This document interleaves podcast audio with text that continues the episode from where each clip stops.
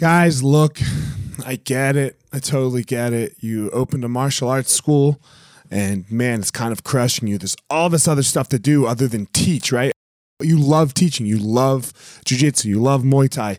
You love karate. Whatever it is you're you're teaching. And man, but there's all this other stuff. There's there's the front desk. There's there's taxes. There's curriculum. There's cleaning. There's there's problems, staffing, covering. Whew, man, it's so much. It's so much. Well, let me tell you, uh, we have started what's called Easton Online, and Easton Online is here to solve all of these problems for you. Easton Online is a digital academy for martial arts school owners and managers. Will help you establish or enhance your business with best practices. Most importantly, we're going to help you get back to what it is that you love most teaching and doing martial arts. Okay, so for more information, guys, go to easton.online. Again, that's easton.online. Add your email. You're going to get notified about the course launches. Our first course is going to be all about the first impression specialists, your front desk and all kinds of stuff, special offers, promotions, as well as we started a podcast by the same name, Easton Online, that's gonna talk about our process of how how we went from a tiny little martial arts school to what is now seven martial arts schools, seven Brazilian Jiu Jitsu Muay Thai schools, um, in a very holistic way that we believe um, kept the integrity of the art and also deals with its people very well. So again, easton.online, enter your email and you're to get all you're to get everything you need right there. So, thanks guys.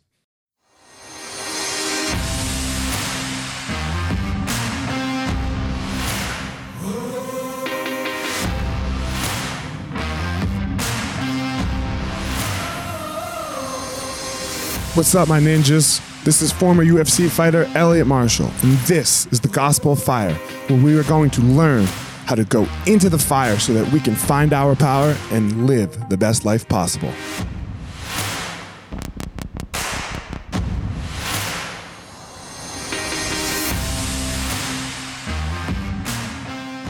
Guys, this episode of the podcast, I have a new friend of mine that that I had on, um, Michael Liera Jr.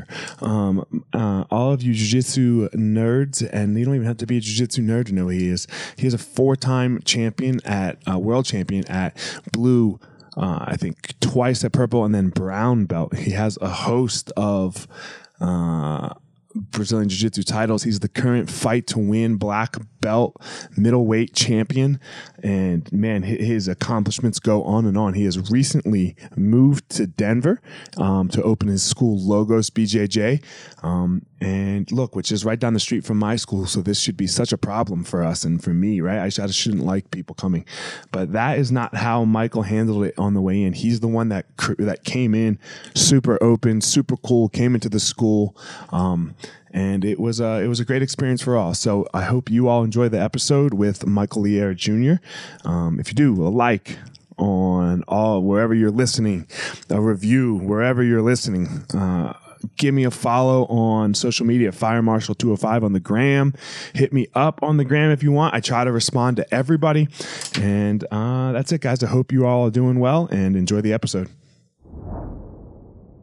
All right, guys, another episode of the Gospel Fire, and I am here with one of the best American Jiu-Jitsu fighters, you know, probably probably of all time, probably probably up there. Michael Liera Jr. What's up, man? How are you? Oh, thank you for having me. I'm good. I'm well. Yeah, we're all we're all cooped up in coronavirus right now. yeah, I'm feeling okay. That's my, yeah. my lungs are all right so far. so far, so good, right?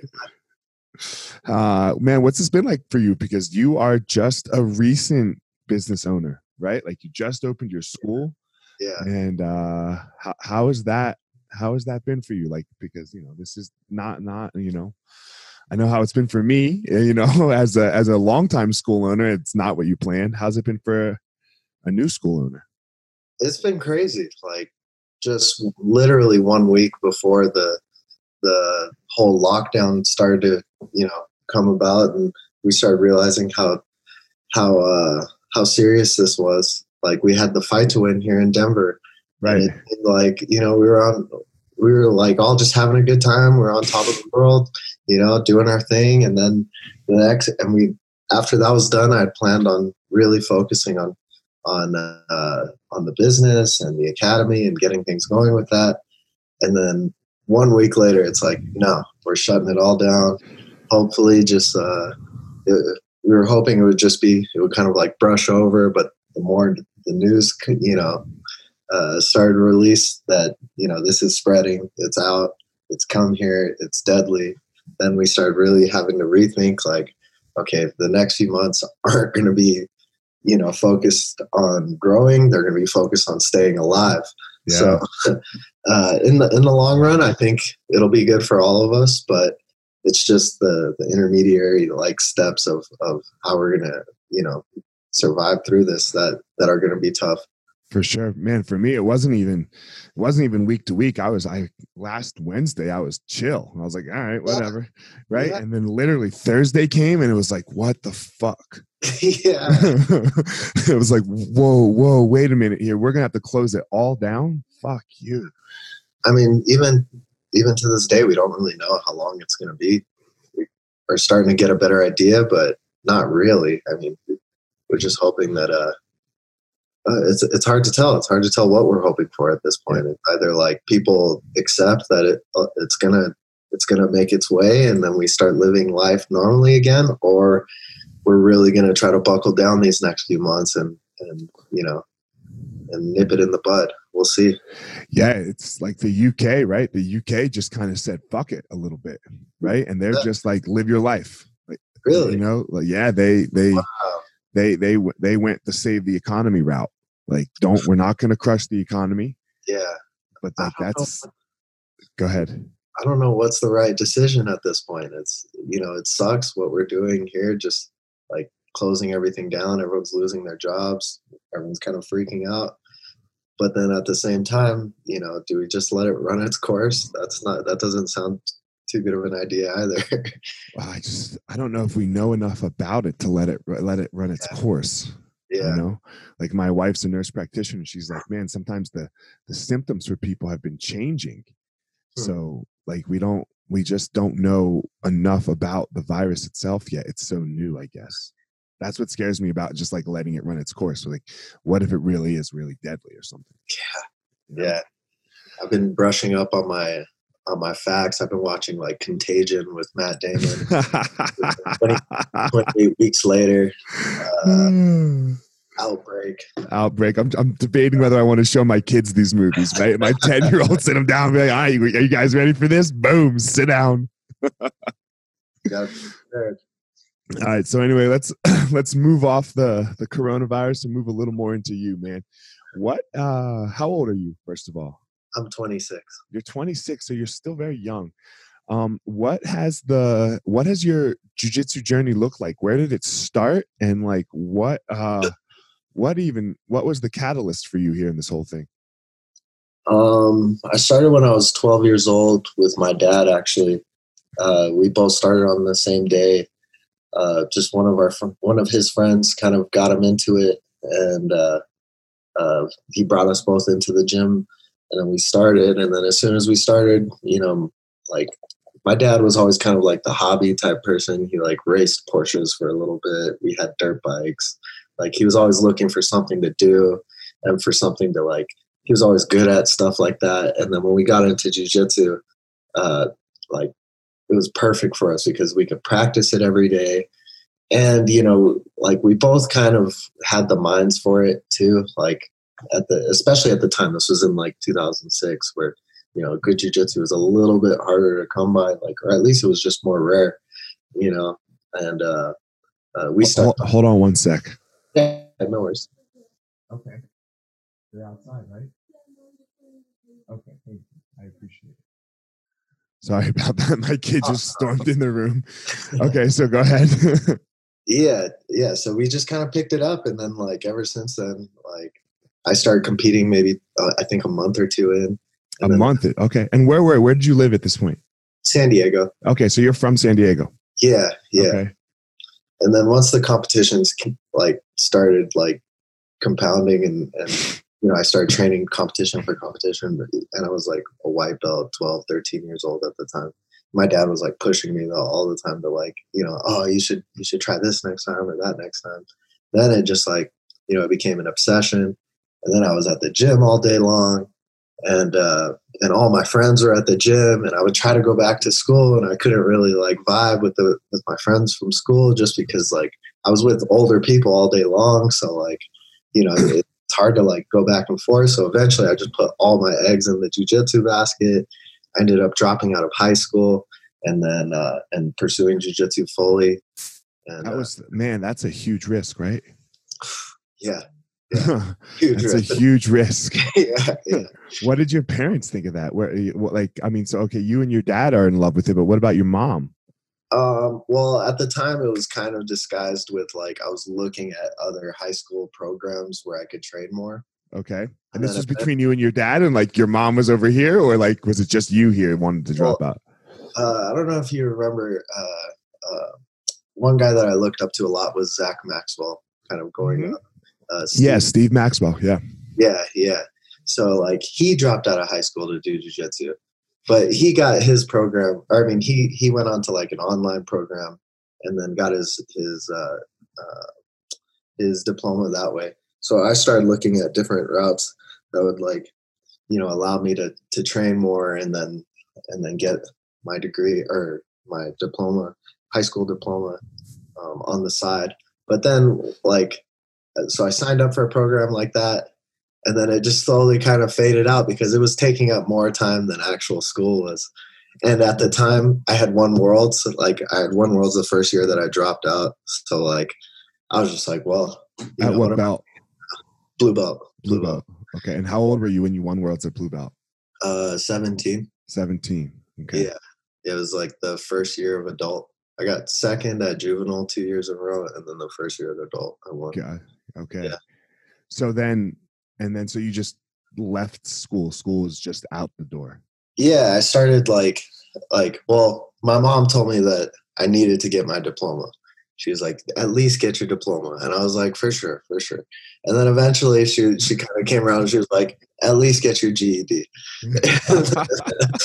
and then uh uh uh, I was like, all right, I'll, I'll I'll get my GED for sure. And then I went and bought like some study guides for the for the GED, and went online and took like a practice course or a practice test, and I aced it. And I was like, oh, like I don't, at this point, I don't, uh, I know I can pass it, and I didn't feel like I had to.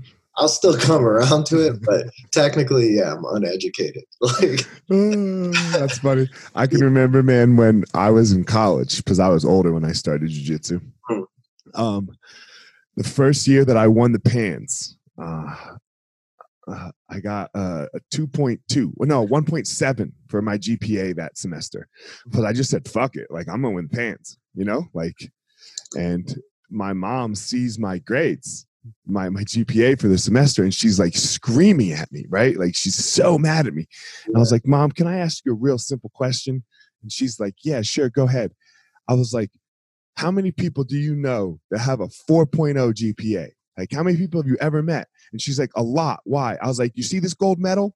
Do you know anybody that has one of these other than me? And she was like, That is not the point. And she's like screaming at me. I'm like, I'm the only one you know. You don't know anybody else, Mom. So I, I feel Yeah. you. I feel you, man. Yeah. Um yeah, but as soon as like as soon as I started to kind of come around to to like balancing my life out, I started putting more effort into like educating myself, reading books, listening to podcasts, lectures and stuff.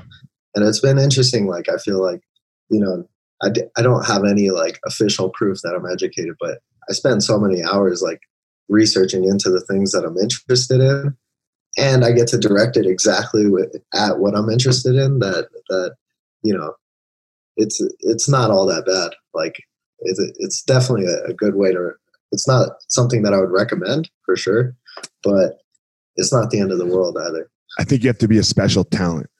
You know, you have Yeah, to be a special talent. You can't just let, uh, like you obviously seem to be, right? You know how to hyper focus on something, right? Like, and and then once you know how to hyper focus on one thing, you can hyper focus on something else Yeah. that you're that you're interested in. and Yeah. then you and then you not only have you been able to for you right from my assessment i guess not only have you been able to be hyper focused you've been able to be hyper focused and successful so mm. you've been able to to make that that transition which i don't know if everybody can make right? Like like you're obviously a very special talented individual that can go okay i want to do that and then watch me be successful. Where uh you know like when you say you don't recommend i probably agree with you. I don't recommend it either. Most people have to like Yeah, you know be told what to do a little bit more. For sure. where do you think you got that ability? Um, honestly, I, I think I got that ability just from being spoiled a little bit. Like I've always just wanted to do what I want to do. Like you know, from a from a pretty early age, like like I was the only child for like eight or nine years, and I was I was raised by my grandma, and I think like like I just grew up always kind of spoiled and and only doing what I wanted to do, never forced to do like anything else. And like on one hand, that that you know that's not the best thing for your your work ethic or or you know uh, learning different different like just normal skills like uh, like persisting through and and working hard. But at the same time, it made me choose jujitsu. Once I chose jujitsu, I was like, okay, this is all I want to do. This is where I want to put everything. So like I, I try to I've just tried to branch out on that as well. Like anything that I want to do, like that's fine, but just pursue it with a hundred percent like, you know, focus and and passion really, really is what what it takes. Like I, I love jujitsu, you know, like it, it doesn't seem like work. So even the work that's attached to it is is easy to do when when it comes to like motivation and and and waking up to do it because it's it's it's easy for me. It's it's what I like to do, and I, I just try to keep everything in that realm of like always doing things that I want to do. Because if you do enough of those things, you'll be you'll be successful. I feel like yeah i mean this is like the first thing i've ever done in my life that i didn't want to do like this last week You're right like like for the most part like i just I- I i feel you you know in the find what you love and then just fucking chase it you know just just chase it to to no end like yeah. a little bit um so when who was your original professor did you was it always Galvao or like where did you start So I started with uh, a guy. His name's Odie Neto. Um, he was around back in the day. Uh, back in like 2006, he had a gym in San Diego, and, and I think he had a gym in San Diego starting somewhere around 2003 or four. And then he eventually kind of fell out of of practicing jujitsu. And uh, a few months in, I, I left that place and went to another spot uh, ran by Joao Cunha. Um, oh uh, joao used to we joao used to be out here yeah, yeah, Yeah, he started with us. What's her name? Katie was his girl, right? Or Oh, Kelly? yeah, Yeah, Kelly, man. Kelly, yeah. No way, really, How about that? Yeah, I completely forgot he was out here. Dude. He was yeah, he was intense, man. Fuck He was yeah, intense, he was super intense. Scar, like down his face. Down his face, yeah, yeah. dude. He met those girls like they were twin girls. They lived up in. uh Do You ever hear of Greeley? Have you been to heard of Greeley? Okay, man. Have you ever been to Greeley? No, no. dude greeley stinks bro because it's got all these like cow farms and oh my god it smells so fucking bad and he, like these two like these two twin girls randomly met they they like all met at our school and then like he fell in love moved to california like yeah i didn't know that's where you started or I- or came from yellow belt and orange belt from him. all right Yeah, Fuck, he was intense he he was intense really, really small academy in Ocean Beach, California, in Ocean Beach, San Diego. I remember. I probably met you when you were a kid. If you were traveling with him to all Yeah. the tournaments, I probably met you then because I can remember, uh, like, as an older, like, as you know, as traveling to tournament scenes. wow, yo, what's up, man? And I remember you always had this these kids around him sometimes comp- competing. I'm Yeah. sure we met like, damn, Yeah. like a decade ago. That's crazy. yeah uh, yeah those were some crazy times like he he had this small small gym i think it was no more than like six or seven hundred square feet and it was just like a mat i mean six seven hundred square feet included the mat the, the seating area his office and the changing room right. and like we switched over just because he was training seven days a week at the gym all day long.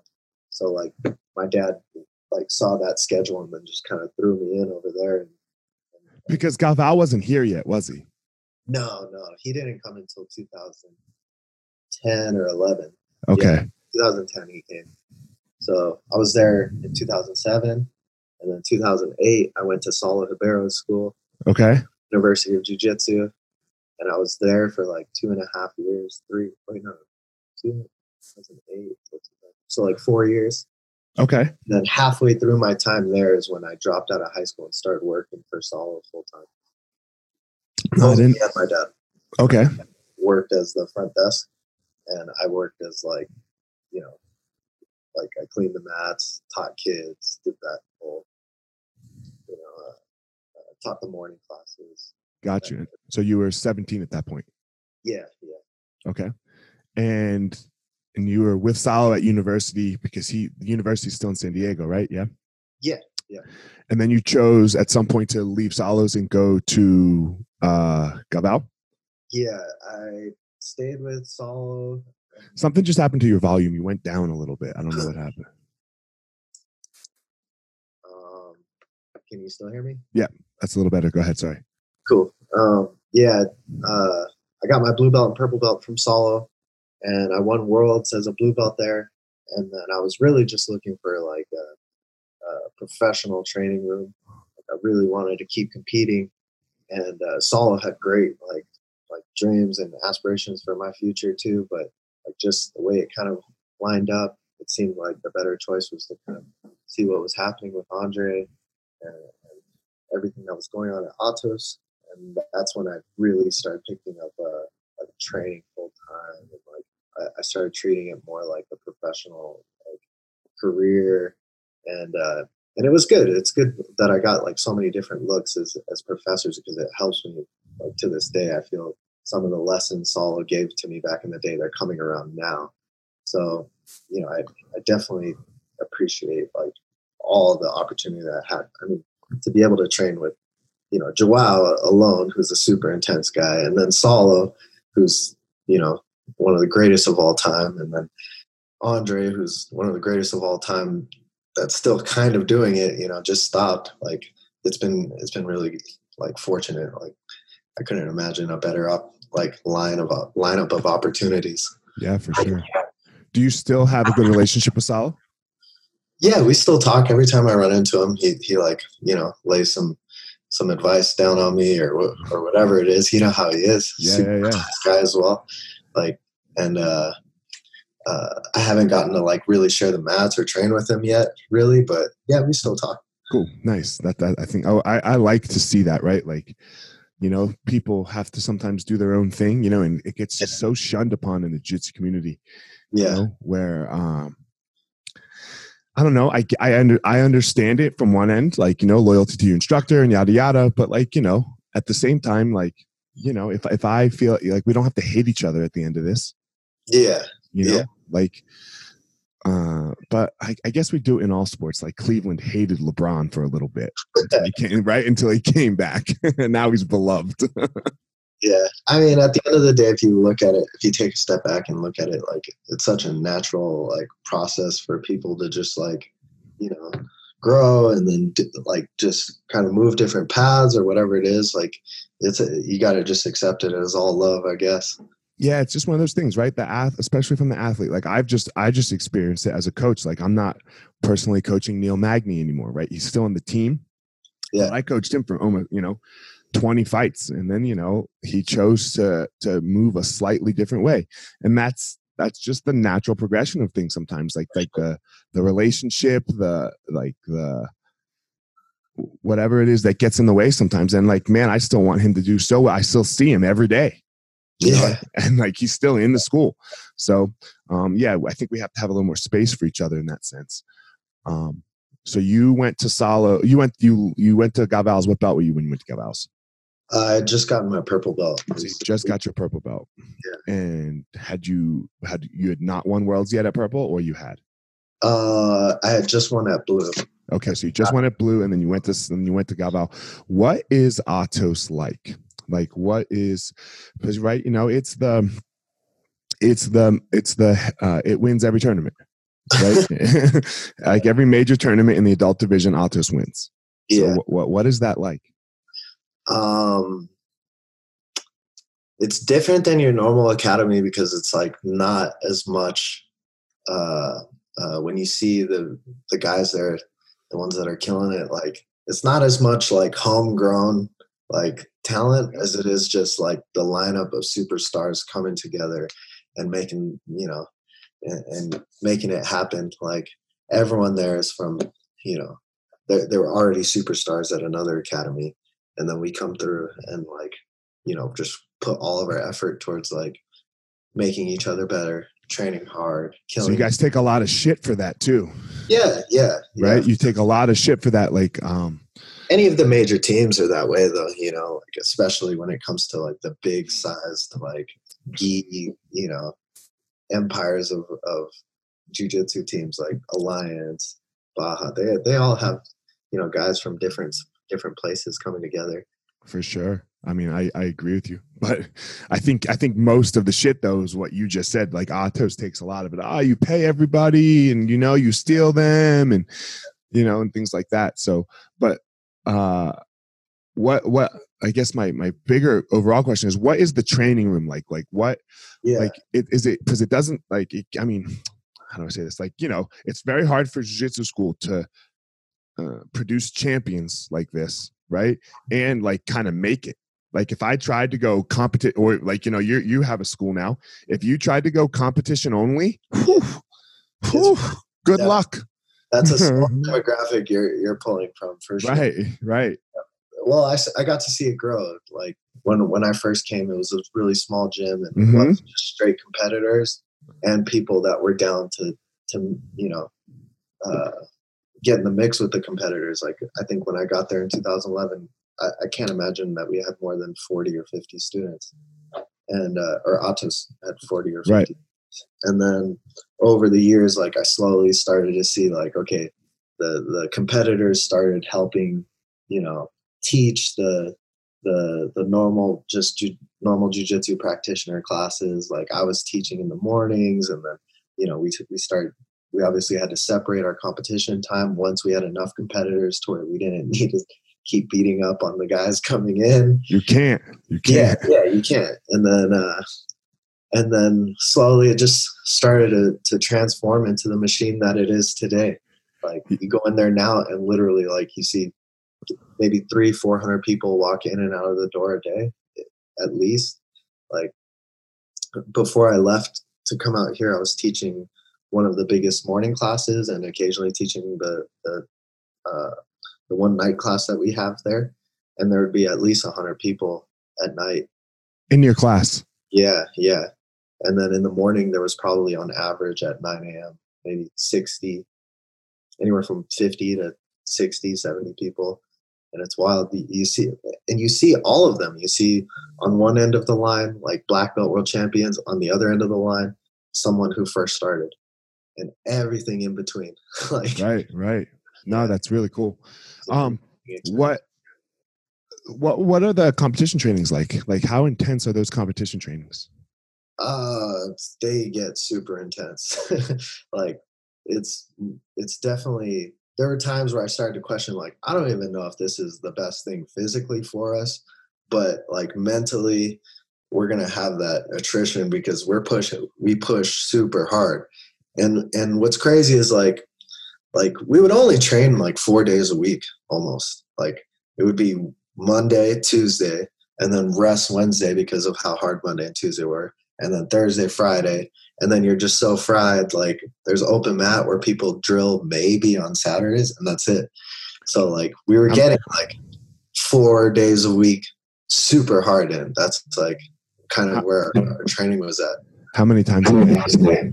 Uh, two, two. You do like- like for the most part. There's competition class Monday, Tuesday, Thursday, Friday, and then um, and then mm-hmm. there's normal classes like before the competition class. So 9 a.m. class is like a, a just a normal jujitsu class, let's say, and then 11 would be comp class, and then at night there's the six o'clock class. So usually what people would do is do the comp class and then also supplement some extra training by just chilling and, and kind of flowing in the night class or, or the, the morning class. So yeah, it, it's definitely intense though. It's there's a lot of pressure. Like, you know, if you don't give your best, you're going to get killed every single day. Like, and I was, I always felt like my weight because I'm like 175 right in the middle, like they would throw me in with the lighter guys sometimes, but for the most part, I trained with everybody. Like I was just big enough to be, you know, a training partner for everyone. So, sure. like I was getting it, I was getting in with like all the guys. It was good. It's times that I miss for sure. What was the, uh, what was it like that that competing at the black belt, the highest level, right? Because you got very, very close, right? Because you won worlds at blue, at blue, purple, and brown. Yes. Yeah. And then what what was what what was that jump to black belt like and what has your journey as a as a black belt competitor been like um i think so so i did obviously really well at the color belts and then at black belt i got to the quarterfinals three times of world so i was like one fight away from placing two fights right. finals and three away from winning and uh and then I won some like major tournaments. I won Europeans, I won Pans, but uh, I really like think that uh, like it, it was. It's been an interesting journey. Like like the at the color belt. Well, jujitsu is super humbling. We always say it, and and we always kind of like attest to how like how no matter what you're gonna get your ass beat in jujitsu eventually, and uh, and especially if you're competing, you know, you're bound to run into someone um, if you do it enough. And like at the color belts, I just feel like I never experienced that. Like color belts, I was just running through it all. And uh, and then when I got my black belt, like I don't know, I feel like I I had a better chance than I thought I did. Like going into it, um, if I could if I could like leave any type of like you know words of wisdom from my own personal journey like like you have to dream extremely big like you have to other like otherwise you'll you'll catch up to your dreams like for me when i was growing up when i was a yellow belt and orange belt i would watch these big tournaments and i'd look at the blue pur- or at the like purple and brown belts like ari farias at the time when he was a purple belt and the Mendes bros when they were brown belts and I remember thinking, like, if I could just get on that level, like where I'm messing with like purple belts and brown belts competitively at Worlds, that would be insane. Because at the time I was like, you know, out of shape 13, 14 year old yellow belt, like at, you know, in San Diego with none of the training and none of the like hype that these guys had. And then when I got there, like, I couldn't believe it. I feel like I, I felt like I was living out my dreams. But now I start to think like the dream should have been so much bigger the dream's way bigger because there's no way you should ever catch up to your dreams. Like the worst feeling is is knowing that you didn't dream big enough and you had more potential in you. So like the the first few years at black belt i kind of like i didn't sit back but like mentally like i trained super hard but mentally i wasn't ready to win and and during those first you were years, ready to be there yeah, yeah. And during those first years at black belt in the training room, I was like, I was a killer. Like I was on top of the, the I was on top of the room for sure.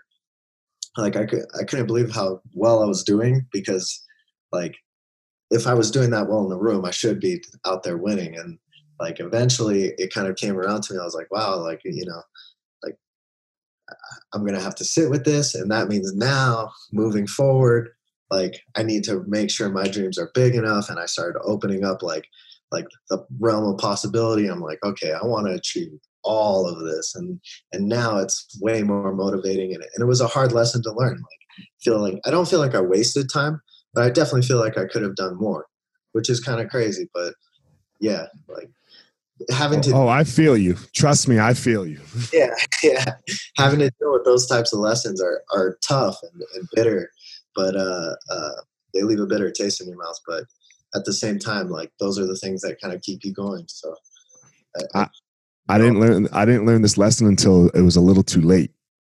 Well, you know, it was too late for me. Uh, I was Uh, I was when I learned this lesson, I wasn't 26 still.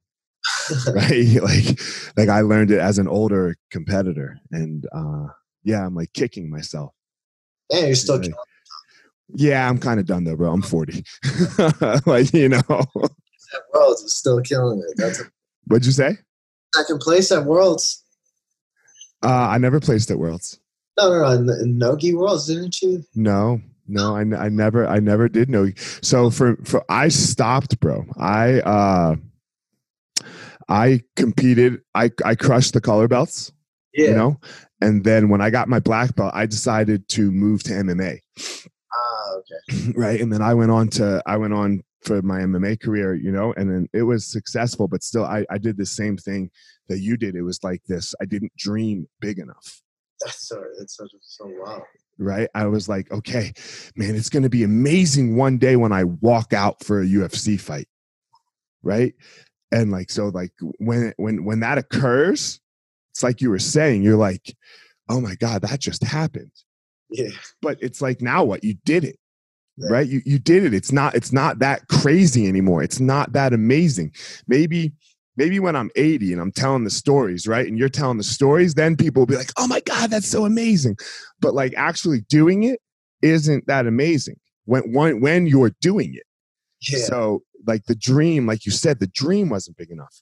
And then after i after i finished my mma career i you know opened the schools and all that and then i came back and i decided to start competing jiu-jitsu again um i won the fight to win title is what i won. You know i so i won the the nogi fight to win title. Um but yeah i was never i never got on a like i was it was a little past me I- but at that time i was 36 you know? So getting on a like you know and, and i didn't compete jiu-jitsu the whole way through. So um but i did learn i did learn what you're saying though like you know like i had never beaten any good black belt uh my whole life until i was 36 years old. And then i started you know and then i started then like that that dream bigger thing happened and i was like oh wow look at that. Yeah. you know? So um but yeah man that's such an important lesson that that don't dream small No, no. You never want to catch up to your dreams. You always Yeah. want to be out there. You always want to be on a full pursuit to them. are you still are you still gonna are you still on the the chase of the world championship Yeah. Yeah. I mean, not this year, but obviously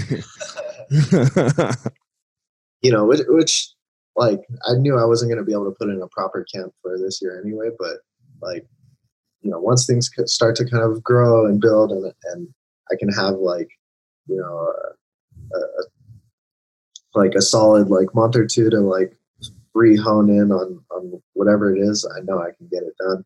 Yeah, for sure. Um, uh, what what made you make this decision to to move to Denver and open a school while still on the chase? Why did why did you why did you kind of switch? I guess right because like you said, the room full of killers. If you want to be a world champion, you got a room full of killers in San Diego. You obviously don't have a room full of killers here, right?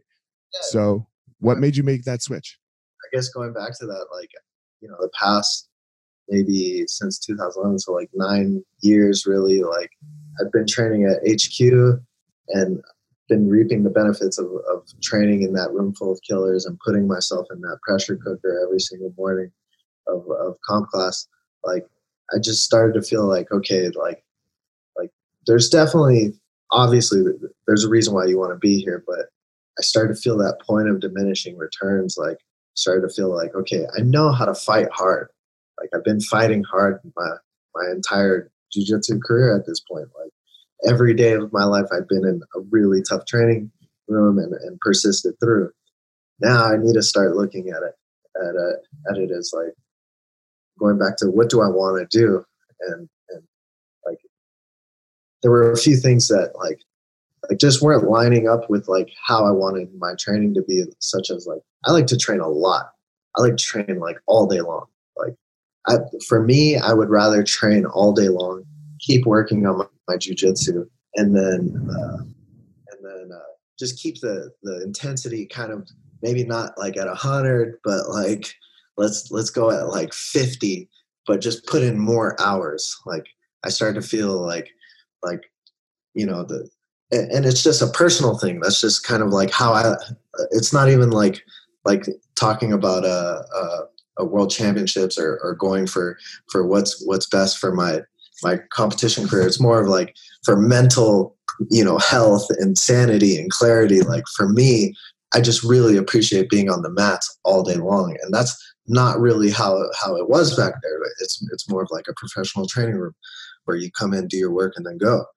And uh, and then also I really like teaching, and uh, and I was teaching over there a lot, and like I wanted to start branching out and doing like like my own start putting my own philosophies into my my curriculums and I wanted to start thinking more about it so like I just really started like investing myself in different and different uh um just like like ways that I wanted to like do do and practice jujitsu. And and like it just started to feel like the right time to to to have my own place. And uh, uh, like it was it was definitely the right decision. I feel like i was definitely nervous about wow what if my competition results just kind of like plummet from here but with the new academy and the new motivation and the new reasons to to you know push myself like i feel like my my uh, my mindset as a competitor is stronger than it's been in a long time. So um, it all worked out.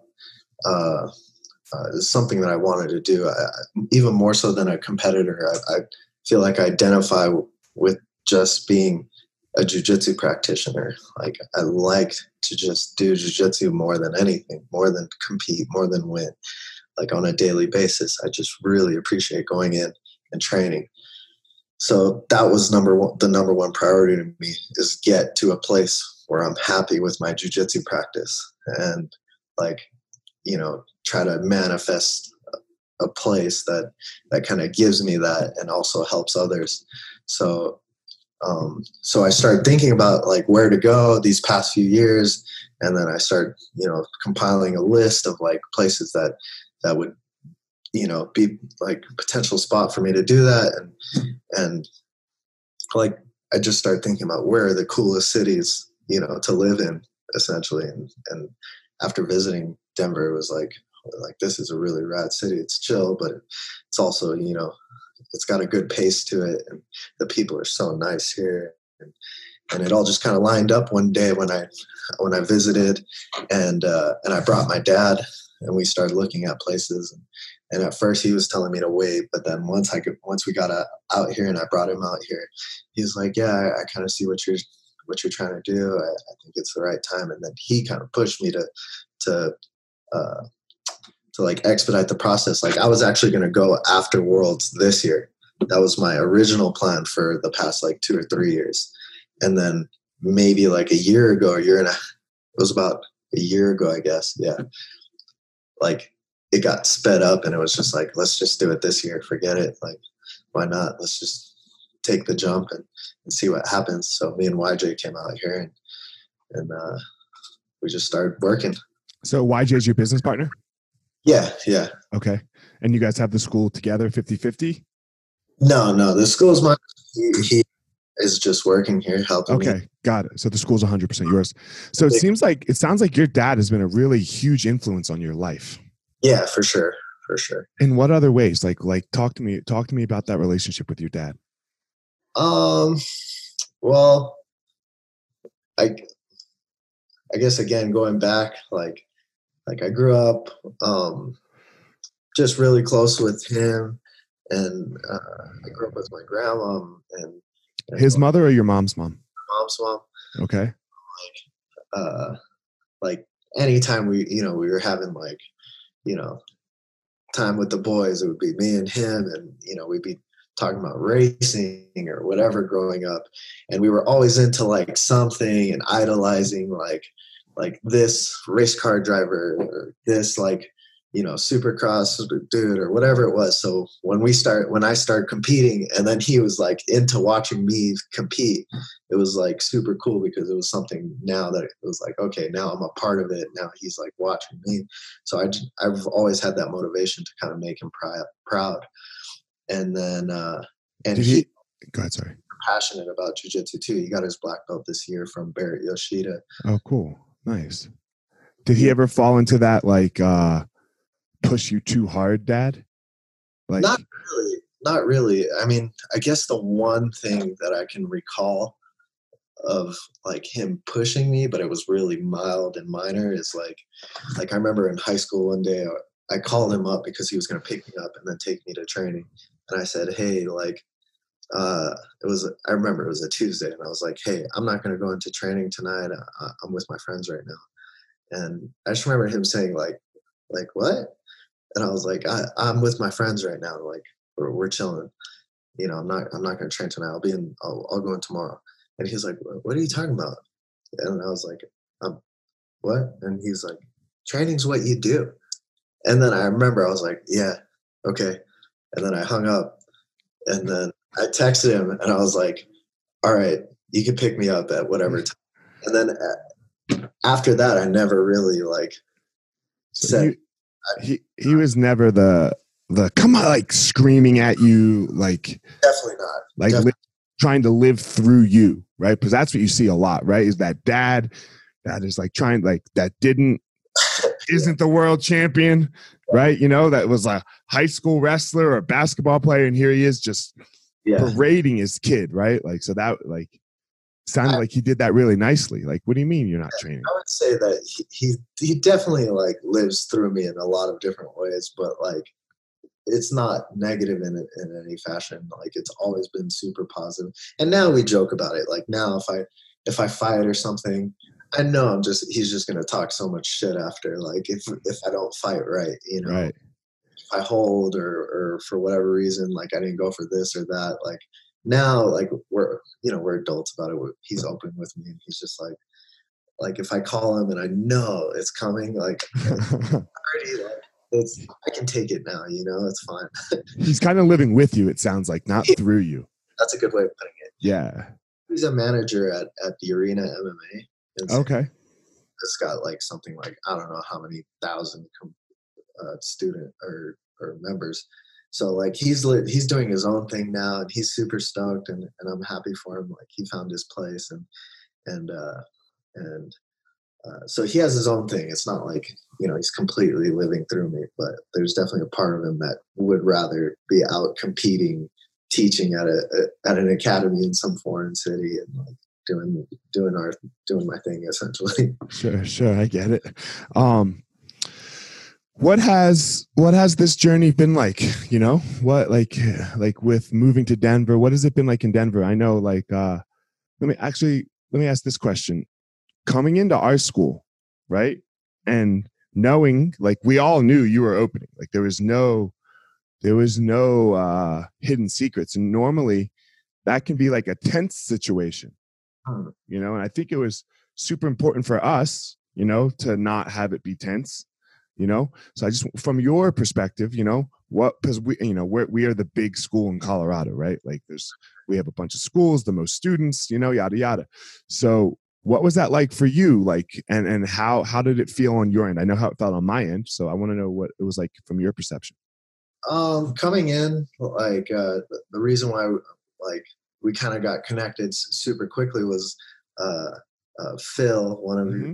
black belts, came out to San Diego a few times. I'd met him there, and then when I was coming out for the Denver Open, he always like housed me and was super. Okay.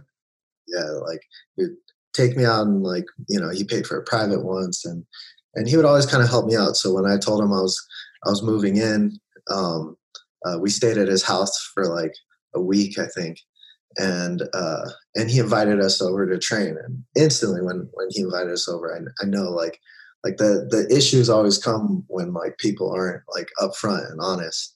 Like I've you know I'm, I'm I've definitely made my mistakes before with whatever like with past instructors or or girlfriends or whatever and and I've just come to the conclusion like it's better just to get everything on the table so I I think people need to like understand that more and, and not take the easy routes and and really just try to be upfront with people. So I I try to reach out, text them all first, and make sure that like it would be okay and and, and get his grace and and uh, uh, in training at the facility and and like once I came in and, and you guys kind of allowed us to, to train, like everyone was so welcoming and like it was always really positive vibes, you know, like you guys try to help us out in any way that you could.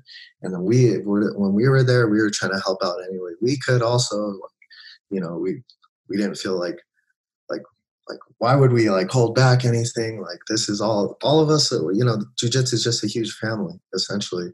Like, you know, we all have our own thing at the end of the day, but like when it comes down to it, we're we're all fighting for the same cause. It feels so like we just tried to like make sure that we were doing our best to to show the love and appreciation that basically we were being showed back and uh and it was really cool like in california it's definitely different like in california there's there's definitely more of a of a us versus them mentality i feel. And like here it was like really nice. Everyone was super cool. Everyone was chill and we all got good rounds in and, and it helps everyone in the long run i think. I, I, agree with you. I think it started with what you said honesty. Yeah. Right? Yeah. like it's what what sucks from from my end of it is when you have somebody coming and they're like oh i'm in town for a week.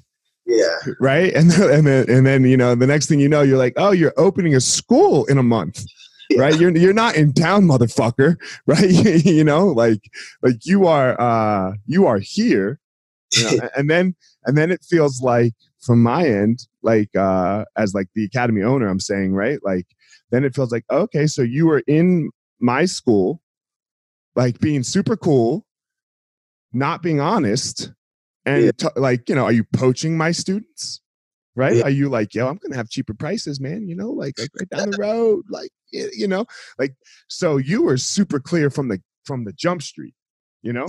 And it was like and then we got to be like yo where are you opening? Are you gonna open next door? No? All right cool right? Like because if you're gonna open like a mile down the road you, it's gonna be an issue yeah, right? like and you weren't doing that I don't know. probably wouldn't have been good for either one of us right? Um but uh yeah.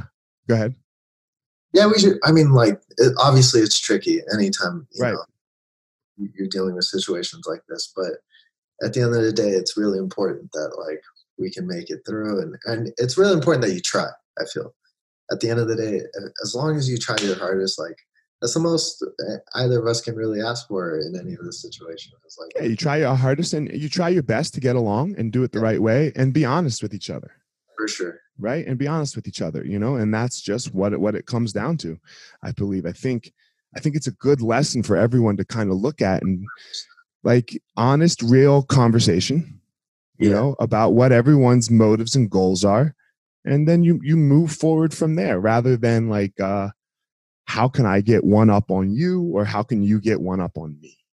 Yeah it, you know you you hurt yourself if you try to like sneak around i feel in the long run right? in the long run. You know it, it, will, it will come out in the end you know? It will your, your true colors always show in my opinion. And yeah. then on this on the on the school on the jiu-jitsu school side of it your mm-hmm. students will then see it you know? And then that will affect your school and like how you deal like when they watch you deal with other people differently i think that like that that eventually comes out you know? Yeah. and it and it crushes you. Yeah so um what are your plans man like what do you you know what do you what what is, what is what is the future for michael Liera jr look like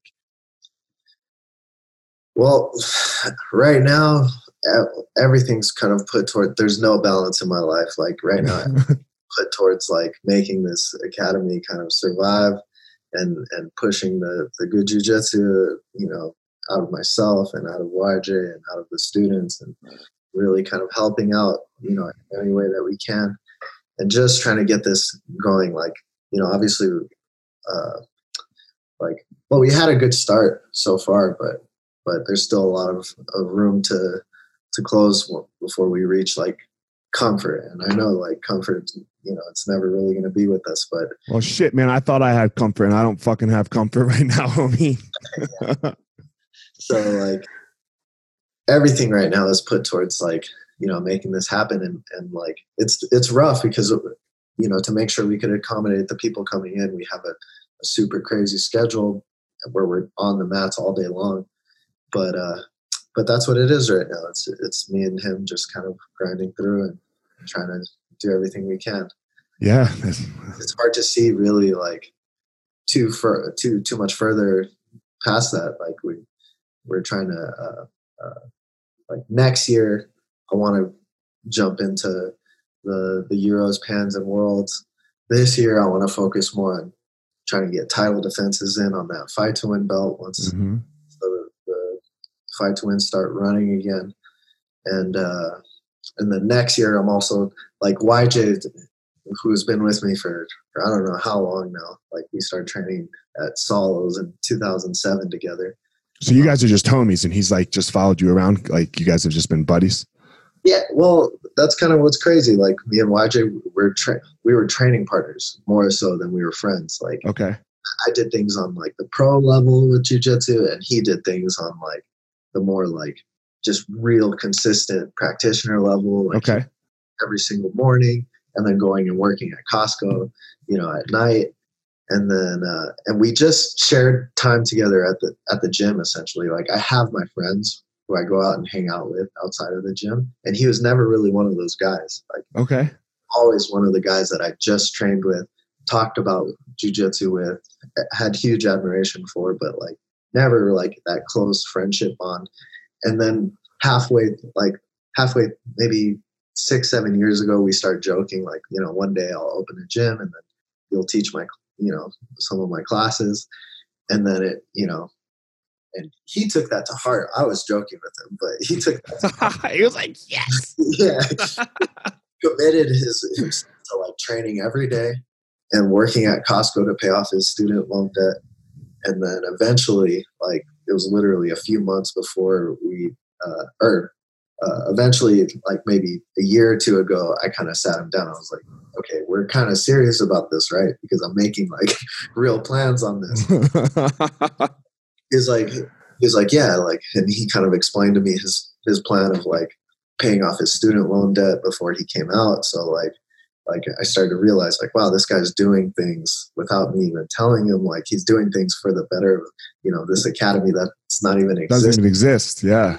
So I knew I could trust him. Like I, I already I knew, but like after we started talking about it more and more, I was like, wow, this is someone that I can really put my trust into when it comes to you know a dream academy. And then eventually we packed up the car and then drove together. And now we're you know we're obviously closer than I've probably ever been to close than with anyone. But uh, uh, yeah, so so he always kind of was just like the jujitsu practitioner and and and trained and had fun. But you could see like at Fight to Win, that was his first time kind of coming out and like really celebrating and like tapping into that ego and that Uh-huh. side, and like it was cool to see. So next year, my plan for him is to um, send him to every open. Like it's his first year at Master Two. Okay.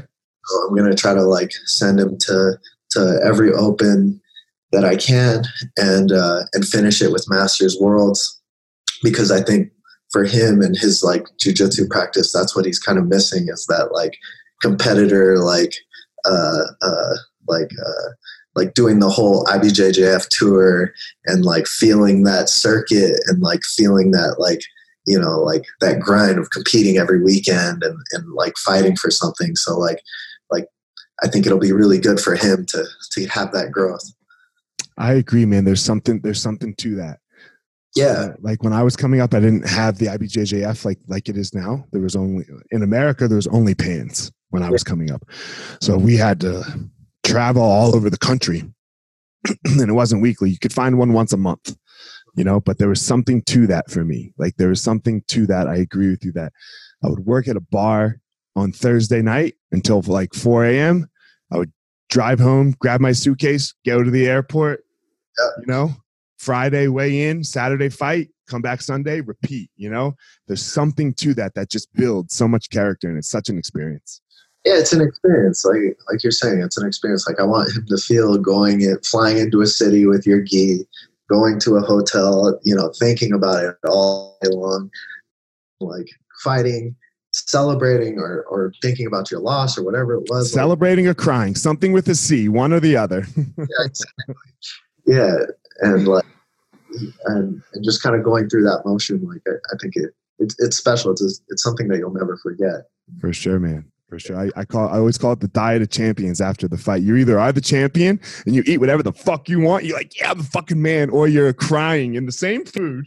Right? So you're like, oh, oh, you know, either way, the food doesn't change, but it's the diet of champions. So Yeah. All right, man. Well, I appreciate you coming on, Michael. Tell everyone where they can reach out and and and uh, and find you on social media or your academy and all that stuff. Yeah, thank you for having me. Was- Yeah, man. Um, you can find me on Instagram. Most, you know, uh, mostly it's just at Liera Junior. Uh, the gym is uh, at Logos BJJ Denver, L O G O S BJJ Denver, and uh, and yeah, say what's up. Fuck yeah, man. All right, man. Thanks for coming on. It's appreciate. Uh, um, it's cool to it's cool to be friends. You know, it's cool to to to have a relationship and uh, and and make this whole jiu-jitsu community work. So I appreciate your your side of that. You know, Uh, I appreciate it too, bro. Thank you. no worries, man. I'll see you soon. Be safe. All right, everyone. Thanks for listening to this episode of The Gospel of Fire. If you enjoyed the episode, I'd love a review on iTunes or wherever you are listening to this podcast. Don't forget to follow me on social media at Fire Marshal 205.